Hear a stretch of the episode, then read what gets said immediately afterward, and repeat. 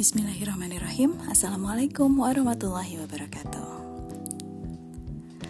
Sahabat, kali ini saya akan membacakan, menyampaikan pesan dari salah seorang psikolog yaitu Ibu Perwitasari Sebulan bersama Corona, cek kesehatan mentalmu. Assalamualaikum warahmatullahi wabarakatuh. Salam sejahtera buat semua. Salam sehat dan semangat. Semoga kita semua selalu dalam lindungan Allah Subhanahu wa taala. Ayah, Bunda, selama hampir dua minggu ini, kita semua mengalami situasi yang mengharuskan kita untuk stay at home. Tentu terjadi perubahan kehidupan yang cukup signifikan dalam situasi ini di mana anak-anak harus school from home dan kita pun work from home. Belum lagi berita-berita simpang siur di media tentang COVID-19. Sayangnya berita tersebut dibiarkan liar tanpa ada komando pemusatan informasi yang resmi dan terpercaya. Akibatnya banyak dari kita yang bisa terpengaruh dengan berita-berita negatif sehingga mempengaruhi emosi kita sebagai manusia biasa, sangat wajar jika kita merasa tidak nyaman dengan adanya perubahan kondisi, apalagi ada ancaman penyakit seperti saat ini. Memang rasa khawatir, takut, dan lain-lain itu muncul sebagai cara kita untuk bisa melindungi diri. Kita memang butuh waktu untuk bisa adaptasi dengan situasi baru. Hanya mungkin kemampuan kita mengelola pikiran, emosi, perilaku akan berbeda-beda dalam menghadapi satu situasi yang sama. Apalagi bila memang dampak dari kondisi yang terjadi juga berbeda bagi tiap orang. Jadi sangat wajar bila reaksinya pun berbeda-beda.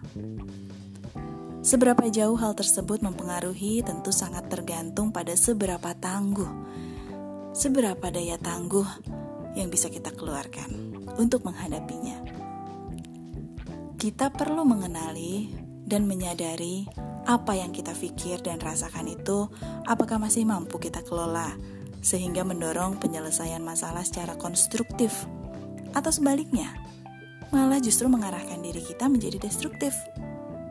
Seperti apa yang konstruktif? Bila kecemasan kita membuat kita lebih berhati-hati dan waspada, tapi tetap kita bisa melakukan aktivitas dan juga peran sehari-hari dengan baik dan emosi yang positif itu bisa mudah kita munculkan. Sementara yang destruktif, bila kecemasan itu justru membuat kita jadi sulit konsentrasi, bingung mau ngapain, atau cemas yang berlebihan, sehingga kita justru sulit menjalankan tugas kita sehari-hari. Mana yang sebaiknya kita lakukan? Tentu saja yang konstruktif ya. Dan bagaimana menghindari yang destruktif?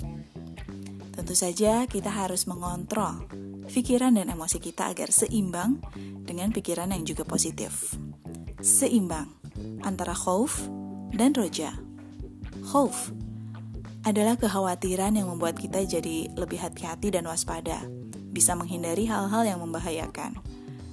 Dan roja adalah harapan akan hal-hal positif yang bisa terjadi.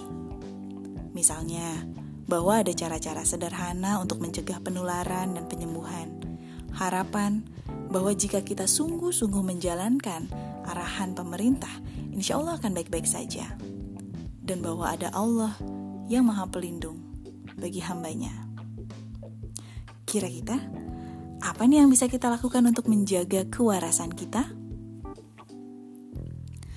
Pertama, sahabat, kita bisa menghindari membaca atau mendengar berita-berita yang negatif secara berlebihan.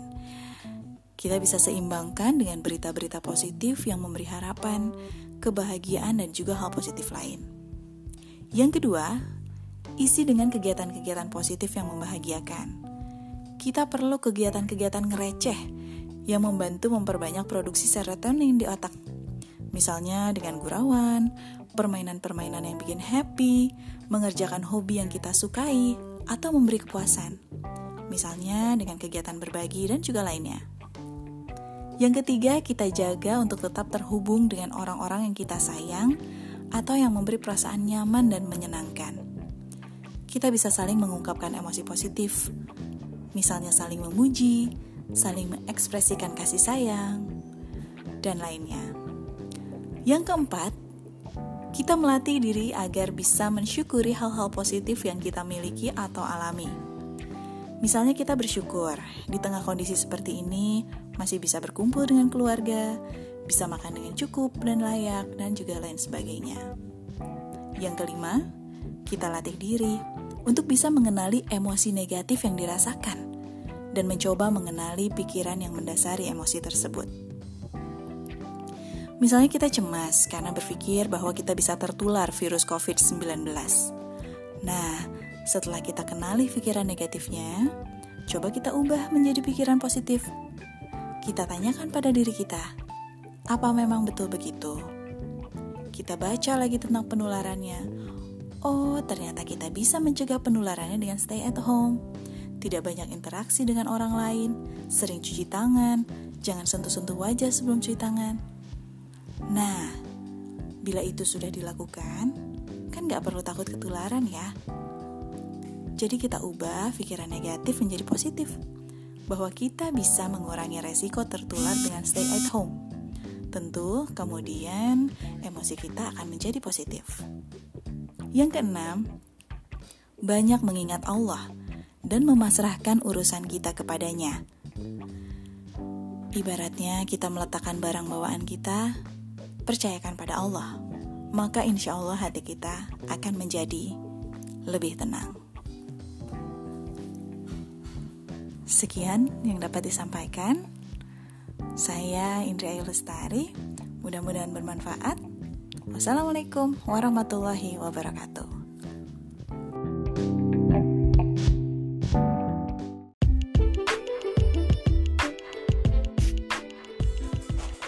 Setelah ini, kamu akan menyimak tanya jawab bersama dengan Ibu Perwitasari, psikolog.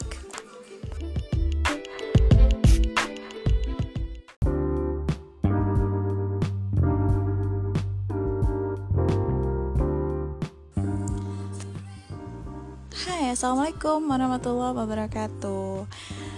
Um, setelah tadi sudah nyimak materi dan juga sapaan pembuka dari Bu Wiwit atau Ibu Perwitasari.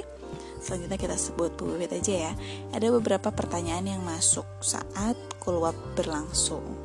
Kita akan coba bahas pertanyaannya satu persatu. Berikut juga tentunya jawaban dari Ibu Wiwit. Pertanyaan pertama ini hmm, pertanyaan adalah bagaimana bagi seorang mahasiswa yang usianya 19 sampai 20 tahunan bisa beradaptasi dengan situasi dan kondisi yang baru seperti ini. Harus kuliah jarak jauh dan uh, beban tugas uh, menumpuk juga ditambah tidak bisa keluar rumah. Jawaban dari Bu Wiwit kurang lebih seperti ini. Tentunya Ananda mahasiswa ini perlu membangun sinergi dengan teman-teman sesama mahasiswanya. Tolong untuk terus memanfaatkan teknologi untuk saling bantu dan juga untuk saling menyemangati. Mau nggak mau walaupun social distancing bukan berarti uh, hubungan sosialnya juga terputus. Jadi memang upayakan tetap bisa terkoneksi dengan teman-teman sama mahasiswa supaya bisa saling support.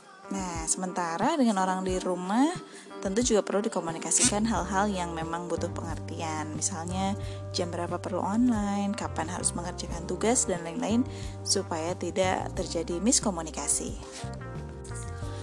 pertanyaan yang kedua uh, ada seorang yang menyampaikan bahwa kondisi saat ini benar-benar tidak terduga dan juga tanpa persiapan. Ya tentu ya ini untuk semua orang ya.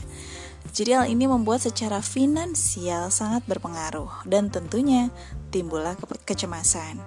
Apalagi banyak pos pengeluaran yang tidak terduga yang bertambah di bulan ini. Kira-kira bagaimana ya harus menyikapi hal tersebut? Tanggapan dari Bu Wiwit begini, ya benar banget Emang hal-hal yang tidak terduga sering kali berdampak kepada pengeluaran yang juga tidak terduga. Karena itu yang perlu dilakukan adalah kita kreatif untuk melihat peluang-peluang tambahan. Nama itu bisa kita pikirkan kalau hati kita ya tenang. Jadi tenang dulu nih. Kita yakinkan dulu bahwa semua rizki kita sudah ditentukan sama Allah. Tapi kita bisa menambah rizki dengan membuka pintu-pintu rizki. Nah, di kesempatan uh, saat ini coba lihat peluang-peluang pintu rizki. Dari yang paling mudah kita lakukan apa? Yaitu memperbanyak istighfar. maka Allah akan mudahkan urusan kita. Lalu biru walidain, dengan bakti sama orang tua itu juga akan membuka pintu rezeki. Dengan berbagi pada sesama, meskipun bukan hal besar. Misal nambahin ongkos gojek beberapa ribu dan lain sebagainya. Banyak yang bisa kita lakukan. Kalau kitanya tenang, maka nanti otak kitanya akan bisa lebih kreatif memikirkan ide-ide untuk menambah income dan juga kita bisa mengontrol pengeluaran dengan menunda dulu pemenuhan kebutuhan yang sekunder, apalagi tersier. Utamakan dulu yang primer. Kita coba susun, kita buat skala prioritasnya. Contohnya, kita memilih lauk yang lebih murah tapi gizinya sama, kurang lebih sama kandungannya. Juga kita bisa coba membuka peluang usaha baru yang menjadi solusi. Misalnya, bikin makanan yang bisa diorder oleh ibu-ibu lain yang nggak bisa masak di rumah. Hal ini bisa dibicarakan dan didiskusikan bersama dengan suami tercinta dan sekali lagi dalam suasana yang nyaman. Sepertinya situasi ini memang terjadi hampir pada setiap kita ya. Oke, kita lanjut ke pertanyaan yang ketiga. Pertanyaan yang ketiga ini bertanya apa sih cirinya kalau kita ini sedang mengalami kecemasan destruktif. Yang bertanya mengatakan bahwa sudah dua hari ini merasa lemas dan juga pusing. Pikirnya karena kepanasan kelamaan berjemur mungkin, tapi kok nggak hilang-hilang. Soalnya di sekitar lingkungan ada penderita COVID-19. Jawaban dari Bu Wiwit, Memang kecemasan destruktif kalau dibiarkan akan mempengaruhi kesehatan fisik kita juga Bukan cuma kesehatan mental Itulah kenapa perlu kita kenali dan kita kelola Bisa jadi kondisi fisik yang gak nyaman disebabkan oleh emosi dan pikiran yang negatif Seperti yang dirasakan Karena sudah ada yang terkena COVID-19 jadinya cemas Nah sekarang yang bisa dilakukan adalah relaksasi sejenak Cari tempat duduk yang nyaman lalu tarik nafas panjang dan hembuskan perlahan. Lakukan beberapa kali sampai tubuh juga terasa rileks. Lalu coba tanyakan pada diri kita sendiri, kira-kira kecemasan ini manfaat nggak untuk saya? Apakah memberdayakan diri saya? Kalau jawabannya tidak, maka apakah perlu dibiarkan? Tentu tidak kan? Nah karena justru menghambat untuk penyelesaian masalah selanjutnya. Kita coba kenali pikiran yang mendasari emosi yang tidak nyaman itu. Tadi kan kalau kita kepikiran ada tetangga yang udah kena covid, maka keluarga kita yang akan kena juga. Nah, sekarang tanyakan pada diri kita sendiri, apa memang sudah pasti seperti itu? Kan enggak ya? Kalau memang kita nggak kontak dengan yang bers, uh, bersangkutan, kita bisa tetap stay at home dan jaga kesehatan, itu kita pastikan saja. Banyak yang bisa sembuh. Dan banyak yang oke okay juga walaupun di dekatnya ada yang sakit. Jadi kalau ternyata kita pernah kompak, uh, kontak, kita bisa memeriksakan diri kita untuk memastikan supaya nggak tebak-tebakan. Nah, jadi coba kita ubah pikiran negatif itu ke arah pikiran yang positif. Kita berpikir bahwa sekeluarga akan tetap sehat karena tidak bersentuhan dengan yang bersangkutan. Jadi kalau emang nggak pernah ada kontak, udah nggak usah dipikirin. Virus itu kan hanya menyebar kisaran 1 meter atau dari benda yang disentuh oleh tangan yang kena dropletnya. Jadi kita bisa uh, kalau emang yakin gak pernah bersentuhan, gak pernah megang benda yang sama, kita rajin cuci tangan, kita tetap stay at home, maka insya Allah kita akan tetap aman dan juga sehat. Tiga pertanyaan dulu, nanti kita akan sambung lagi di pertanyaan-pertanyaan yang sudah masuk. Tetap menyimak ya.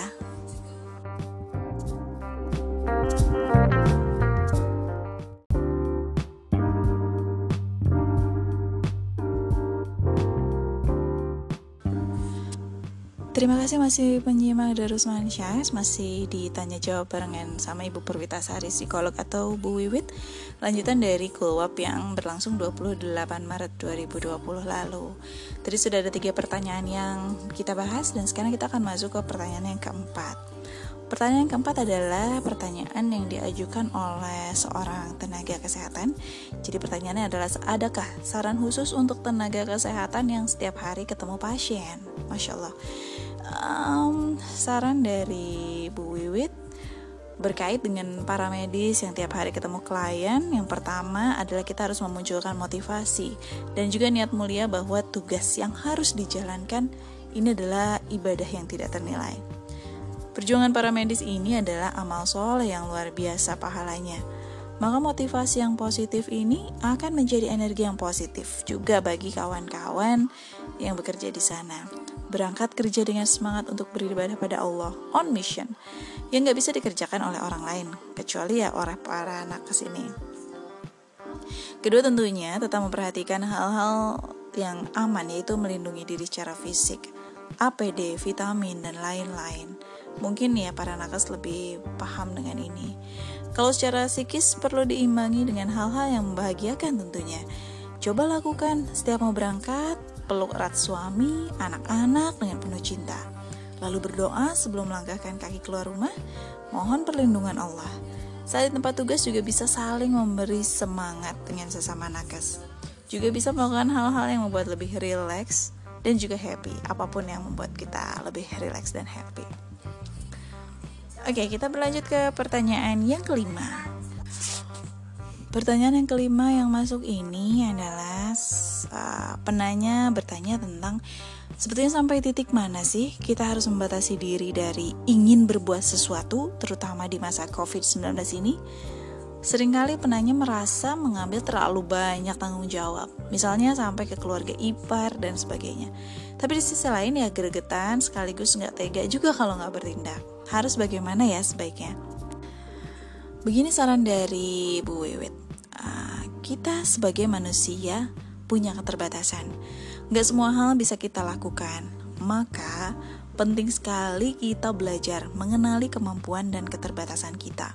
Supaya kita nggak bertindak secara berlebihan, kita bisa tetap proporsional dan tidak melewati kapasitas kita. Kita juga harus berlatih untuk asertif, yaitu menyampaikan secara terus terang tapi tanpa menyakiti hati orang lain. Caranya adalah kita mulai dengan menyampaikan apa yang kita rasakan. Misal, ada orang yang mau pinjam uang nih sama kita, padahal emang kita lagi nggak punya uang. Ya kita harus berani menyampaikan hal itu dengan cara asertif. Contohnya, saya turut prihatin dengan kondisi saudara, namun mohon maaf, untuk saat ini saya belum bisa bantu. Jadi apa yang kita rasakan? itu diketahui, diberitahukan kepada orang tersebut. Kita bisa tambahkan doa, semoga Allah segera membantu Anda ya. Jadi kalau memungkinkan, ah, kita bisa memberikan sarannya yang bermanfaat. Oke, kita lanjut ke pertanyaan yang keenam. Pertanyaan ini berangkat dari ibu rumah tangga uh, di Bandung yang suaminya kerja di Jakarta dan saat ini suaminya sedang pulang ke Bandung. Jadi suami bingung nih, di Jakarta aja atau di Bandung? Kalau di Jakarta khawatir karena banyak penderita di sana, red zone. Kalau di Bandung eh, nggak uh, bisa ketemu keluarga karena harus mengisolasi diri. Sehingga jadi nggak diizinkan lah suami ini untuk bertemu gitu kan. E, karena memang sedang tinggal di rumah ortu ya istrinya itu. Sedangkan um, suami tinggalnya di rumah kami yang mengisolasi diri jadi dipisah ya walaupun sama di kota yang sama. Nah ini kami khawatir suami bawa virus dan akan menginfeksi ke anggota keluarga lain. Gimana ya agar saya dan suami nggak stres dengan kondisi terpisah seperti ini? Jadi nggak bisa bertemu dengan anak istri dan juga sebaliknya dari Bu Wit menyampaikan, sebetulnya kalau emang memungkinkan suami untuk tetap bekerja di rumah, ya mungkin sebaiknya suami bisa pulang tetap berkumpul dengan keluarga karena hal ini bisa membuatnya lebih tenang. Tapi ya tentu aja perlu dipastikan kondisi kesehatan suami. Artinya harus dipastikan bahwa suami memang bukan carrier, bukan ODP apalagi PDP. Dan perjalanan yang dilalui juga dari Jakarta ke Bandung harus cukup aman. Misalnya bawa mobil sendiri. Setelah tiba juga harus diberlakukan protokol disinfektan, membersihkan diri. Lakukanlah semuanya sesuai arahan kesehatan sebelum ketemu keluarga. Nah, tapi kalau emang tidak bisa demikian, pastikan tetap bisa saling terkoneksi misalnya dengan video call dan lain-lain. Lakukan hal yang menyenangkan bersama-sama meskipun jarak berjauhan, tapi hatinya tetap terkoneksi. Buatkan uh, aktivitas yang rutin bersama, misalnya waktu makannya bersama sambil video call, lalu bikin permainan interaktif yang membuat aktivitas sama-sama, main tebak-tebakan, nyanyi-nyanyi bareng, ya ciptakan kegiatan bersama yang kreatif dan juga menyenangkan. Kali ini kita masuk pertanyaan yang ketujuh. Uh, pertanyaan ketujuh ini datang dari seorang yang stay at home dan tinggalnya di zona merah. Namun suami masih berdagang, yaitu masih keluar rumah. Dan masyarakat di sekitar perumahan juga masih aktivitas biasa. Ini yang membuat kalut, susah tidur, bangun pagi ketakutan. Dalam pikiran, apa ya yang terjadi hari ini?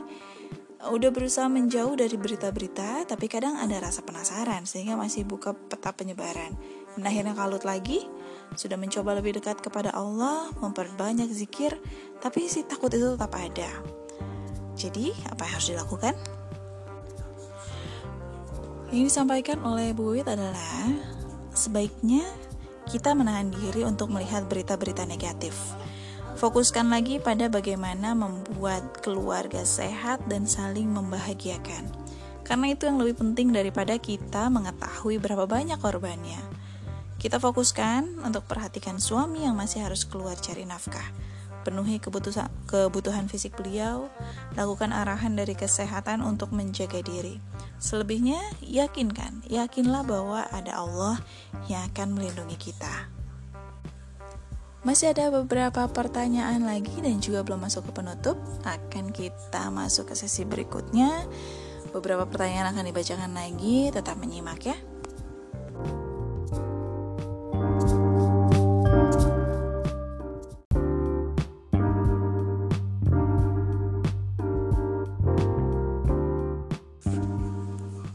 Kembali lagi di Derus Mansyas yang membahas tanya jawab bersama dengan Bu Wiwit dari kuapnya yang berlangsung um, 28 Maret ya 2020 Ini saya jadi lupa lagi di tanggalnya berapa. Hmm, Kita akan bahas masuk ke pertanyaan yang ke-8 berarti sekarang ya. Penanya menyampaikan dia memiliki kakak yang uh, special need atau berkebutuhan khusus yaitu tunadaksa tidak bisa jalan dan juga tidak bisa berbicara tapi tidak tunarungu biasanya setiap hari jalan-jalan nongkrong dengan sepeda roda tiganya. Beliau masih tinggal dengan ibu dan kakak yang lain masih di kompleks yang sama dengan uh, sang penanya. Di masa wabah ini sudah disampaikan bahwa jangan keluar rumah. Nggak boleh keluar rumah Sepedanya dikunci, namun beliau sering kali mengamuk di rumah dan menyerang sang ibu. Padahal sang ibu sudah sepuh. Jadi hingga sang ibu dan kakaknya ini terpaksa memberikan kunci sepedanya. Jadinya khawatir nih, cemas juga sekeluarga kan, karena khawatirnya beliau tertular dan menjadi carrier misalnya. Nauzubillah. Bagaimana sarannya untuk keluarga agar kakak uh, tenang di rumah menghadapi uh, situasi seperti ini? Jawaban, uh, jawaban dari Bu Wit adalah memang untuk memberikan informasi pada seseorang yang berkebutuhan khusus itu perlu cara yang tersendiri. Misalnya kita menggunakan media gambar atau film yang memang disesuaikan dengan kemampuan intelektualnya. Dengan lembut, hati-hati, dan beliau juga butuh kegiatan memang untuk pengganti keasyikannya berkeliling dengan sepeda. Kalaupun keluar rumah, yang perlu diajarkan adalah kita mencontohkan bagaimana seharusnya. Misalnya, pakai pakaian yang double, bertutup kepala, pakai masker. Lalu diajarkan untuk tidak dekat-dekat orang lain, jaga jarak 1 meter. Setelah main, ajarkan juga mencuci tangan, kaki, meletakkan baju luarnya di tempat cucian kotor sebelum ia masuk rumah. Nah, ini yang harus disampaikan dengan konkret, langsung disimulasikan. Begitupun kalau misalnya memiliki anak lain, misalnya balita maupun yang remaja juga harus kita edukasi dengan metode yang sesuai dengan usia masing-masing dan disimulasikan bersama-sama. Kita jelaskan apa yang sedang terjadi saat ini, apa yang diharapkan dilakukan, dan apa yang tidak dilakukan. Kenapa harus demikian? Apa dampaknya bila kita tidak melakukan ini? Itu semuanya disampaikan dengan jelas, konkret, dan disimulasikan. Lalu ajak juga untuk mencari kegiatan pengganti yang menyenangkan. Pertanyaan berikutnya yang ke-9 uh, lumayan panjang ini ya. Uh, tentang uh, seorang ibu yang sudah berumah tangga memiliki anak dua usia 4 dan 3 tahun. Um, masih tinggal bersama orang tua sepertinya ya. Orang tuanya ini salah satu perwira tinggi di Polri. Jadi di rumah banyak sekali informasi yang lebih detail dan lebih nyata tentang kondisi negara ini dari yang terpampang di media. Yang jujur bisa dikatakan, persiapan kami di rumah ini beberapa minggu lebih dulu daripada orang kebanyakan. Misalnya sebelum ada kampanye diam di rumah, kami seminggu lebih awal sudah isolasi diri di rumah. karena istilahnya banyak info bocor yang valid yang kami dapat sebelum ramai di media. Di satu sisi merasa beruntung karena bisa lebih mempersiapkan diri, tapi di sisi lain jadi terlalu banyak berita yang mengkhawatirkan dan terlalu menyesakkan dada. Sampai-sampai punya kebiasaan baru nih, selalu ngecek saya bisa nafas dalam lega atau tidak. Dan hasilnya saya selalu merasa kesulitan bernafas lega. Bukan short breathing seperti asma, hanya ketika mencoba bernafas dalam dan lega, kadang berhasil, kadang tidak. Dan ini tiap hari beda-beda. Ada sehari yang merasa tidak terlalu sulit nafas, lain hari agak susah. Atau misalnya paginya lancar nafas, malamnya beberapa jam sebelum tidur agak sesak. Nah, durasi kesulitan bernafas juga bukan yang berjam-jam sih, cuma beberapa detik hilang timbul. Pertama kali terjadi 14 Maret, waktu pengumuman uh, Menteri Perhubungan yang kena corona. Dan sampai sekarang, jujurnya nggak bisa sih seoptimis orang-orang yang mungkin karena terlalu banyak uh, ugly truth information tapi selalu berusaha kuat merasa yakin sih uh, bisa menghadapi ujian ini tapi kok masih susah untuk menarik nafas lega apakah kalau sesekali menangisi keadaan ini bisa menjadi penyalur emosi yang tertahan kira-kira solusinya seperti apa kondisinya sekarang sih secara umum sehat masih juga menjadi mahasiswa S2 di Bandung tapi sudah dua minggu ini sedang pulang dan berkumpul dengan keluarga di Jogja, Karta. Tanggapan dari Bu Wit adalah Memang kalau kita terbombardir dengan informasi-informasi yang negatif secara intens, ini dapat mempengaruhi pikiran dan juga emosi kita. Apalagi kalau kita model orang yang menelan semua informasi. Untuk itu yang harus kita lakukan adalah berlatih memilih masalah. Agar nggak semua masalah itu kita pikirin. Karena akan terlalu berat buat kita. Jadi tentukan, masalah yang perlu kita pikirkan adalah yang emang masalahnya kita. Kita bisa nentuin, nentuin nih, masalah sendiri atau bukan itu dengan menjawab dua pertanyaan penting. Pertanyaan pertama, apakah kita bersedia mengorbankan seluruh hidup kita, waktu, harga, tenaga, dan lain-lain untuk menyelesaikan masalah itu? Lalu tanya yang kedua, apakah kalau kita sudah korbankan waktu, tenaga, pikiran, harta, dan lain-lain itu, maka masalah itu selesai? Kalau jawaban dari dua pertanyaan itu iya, maka memang itu adalah masalah kita. Jadi kita bisa fokus pada masalah kita dulu. Tapi jika jawabannya tidak, maka kita perlu meletakkan masalah itu dan percayakan orang lain yang akan menyelesaikannya. Kita juga perlu puasa dulu nih dengan info-info yang membuat cemas, takut, dan lain-lain. Kita perlu menetralkan dulu emosi tidak nyaman kita dengan info yang memberikan harapan, memberi semangat, dan emosi positif lainnya. Sesekali menangis boleh, apalagi emang kalau kondisinya menyedihkan. Gunakan untuk healing diri, lakukan sugesti diri, Seiring dengan keluarnya air mata, maka seiring itu pula keluar emosi negatif saya. Dan setelah menangis, hati saya akan semakin nyaman dan iringi dengan doa kebaikan. Jadi seimbangkan dengan emosi yang positif. Seimbangkan juga dengan olahraga, berjemur, dan interaksi sosial dengan tetangga. Teman juga, walaupun hanya lewat sosial media atau say hello dari kejauhan. Kita berlanjut ke pertanyaan yang 10 um, Ini katanya pertanyaan 10 ini adalah Berhubungan dengan suami uh, agak batuk-batuk uh, pada kasih sayang dengan anak biasanya suka peluk cium Anak juga suka maksa ingin dicium Kemudian dengan tetangga bagi makanan, silaturahim tapi jadi antipati nih menjaga jarak kedua pihak. Ini gimana solusinya ya? Soalnya saat ini suami sedang dikarantina nih sama istrinya sepihak. Karena dicurigai ada sedikit gejala. Kira-kira dosa nggak ya? Yang disepakati adalah pisah kamar sementara. Lalu mengklirkan bahwa tidak ada virus. Ini gimana ya? Disepakati 14 hari karantina memanjakannya di kamar. Tapi ya suaminya malah di kamar senang-senang aja work from home gitu ya dengan komputer HP berikut air panas dan snacksnya semua dikirim ke kamarnya. Lunch dinner keluar kamar kalau perlu ke toilet aja. Tapi ternyata baru lima hari capek juga kayak punya pasien. Sebenarnya beliau baik-baik aja hanya awalnya ada sakit-sakit sendi kaki dan pegal-pegal. Hari berikutnya ada muntah-muntah sedikit batuk dan bersin hanya satu dua hari aja. Sekarang malah bilang siapa yang mau dikarantina? Baik uh, tanggapan dari Bu Wiwit Bu Fit sih menyarankan uh, lebih baik diperjelas aja. Suaminya diperiksa yang benar supaya tahu kondisinya bagaimana. Apakah cuma batuk pilek biasa? Kalau memang nggak ada demam kan mungkin cuma batuk pilek biasa. Jadi ya nggak perlu yang isolasi banget. Mungkin cukup pakai masker, lalu jaga jarak dulu dengan yang lain di rumah seperti dengan anak-anak dan juga yang sepuh-sepuh. Minum obat bat pil supaya segera sembuh. Kalau emang ada demam dan tanda yang lebih serius, sebaiknya segera ke rumah sakit supaya lebih jelas penanganannya. Anak-anak juga perlu dijelaskan kondisi ayahnya seperti apa. Misalnya, ayah ini lagi batuk pilek, itu bisa menular.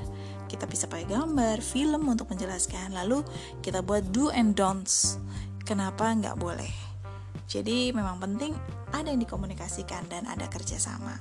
Tapi memang lebih baik tanyakan ke ahli kesehatan supaya bisa lebih benar penanganannya. Kondisi saat ini emang kita perlu saling komunikasi dan kerjasama. Anak-anak dan pasangan dilibatkan. Obrolin dengan santai apa yang sebenarnya terjadi. Dengan penjelasan yang tenang dan tidak menakutkan. Terus didiskusikan juga nih gimana supaya kita bisa melewatinya sama-sama, saling support. Yang paling sederhana, cuci piring. Perlu dibuat kesepakatan bahwa semua harus cuci piring sendiri sehabis makan. Lalu bagi tugas untuk masing-masing sesuai usia dan kemampuan. Sepakati kegiatan-kegiatan positif yang bisa memperkuat emosi positif dan juga kebersamaan. Sholat jamaah sekeluarga, makan bersama, olahraga dan berjemur sama-sama. Lakukan permainan yang dimainkan sama-sama. Pertanyaan terakhir ini berarti ya, yang ke-11. Untuk anak yang usianya 4 tahun, biasa main di luar, sekarang di rumah. Dia mulai bilang, aku bosen, harus ngapain? Padahal udah diajak belajar, baca buku, main mobil-mobilan, tapi tetap merasa jenuh. Kira-kira solusinya gimana biar tetap happy ya? Ah, ternyata ini dikirimkan video, mungkin uh, teman-teman juga bisa cari di YouTube activity uh, yang bisa dilakukan di rumah indoor activity misalnya ya bisa membacakan buku yang menjelaskan uh, COVID juga ke anak-anak. Kebetulan nih kalau di podcast saya juga ada read aloud-nya yang ditulis oleh TPP Bubi. Ada penjelasannya yang uh, sederhana untuk anak-anak ya. Bisa dibaca juga ya teman-teman. Bu Wit juga menanggapi bahwa iya, memang kita semua pasti bosan kalau harus diem di rumah terus-menerus selama ini.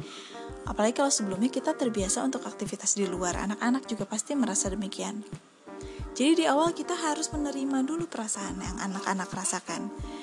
Kita lakukan dengarkan aktif, bosan ya nak, iya ya, nggak betah ya, pengen keluar ya, seperti itu. Sampai kita ucapkan seperti itu, sampai kita bilang juga, mama juga bosan ya kalau di rumah terus nggak ada kegiatan tapi kan kemarin sudah dijelaskan, kita kan selalu sehat ya. Nah, main apa yuk biar nggak bosan? Misalnya seperti itu. Perlu banget inventaris kegiatan-kegiatan menyenangkan buat anak-anak sesuai dengan gaya belajarnya.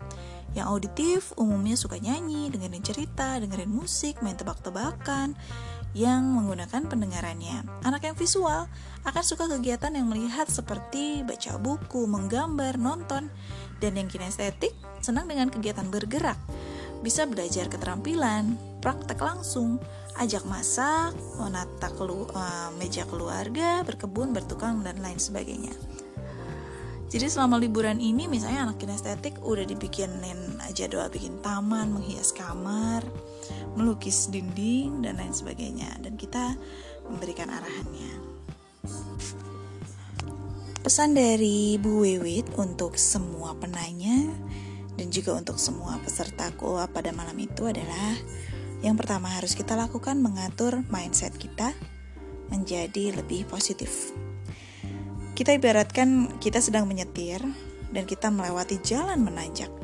Kita perlu menyadari bahwa kita akan melewati jalan yang beda, maka kita perlu strategi yang berbeda. Kondisi ini juga nanti akan berakhir. Nanti kita akan menemukan jalan yang landai, jalan yang lurus. Kita lihat sebagaimana di Cina, Korea, dan negara-negara lain yang sudah berhasil, mindset kita juga harus diatur bahwa kita sedang menghadapi situasi yang memang mungkin beda dengan yang biasa, tapi ini semua akan berakhir. Kita hanya perlu menyiapkan strategi-strategi dan rencana-rencana untuk menghadapinya. Dan yang penting, kita tanamkan dalam diri bahwa kita melewatinya sama-sama. Kita nggak sendiri. Yang paling penting, Allah Subhanahu wa Ta'ala yang akan menolong, mungkin dengan cara yang tidak terfikir oleh kita sebelumnya, asalkan kita tidak meninggalkannya. Kita terus mendekat ke Allah.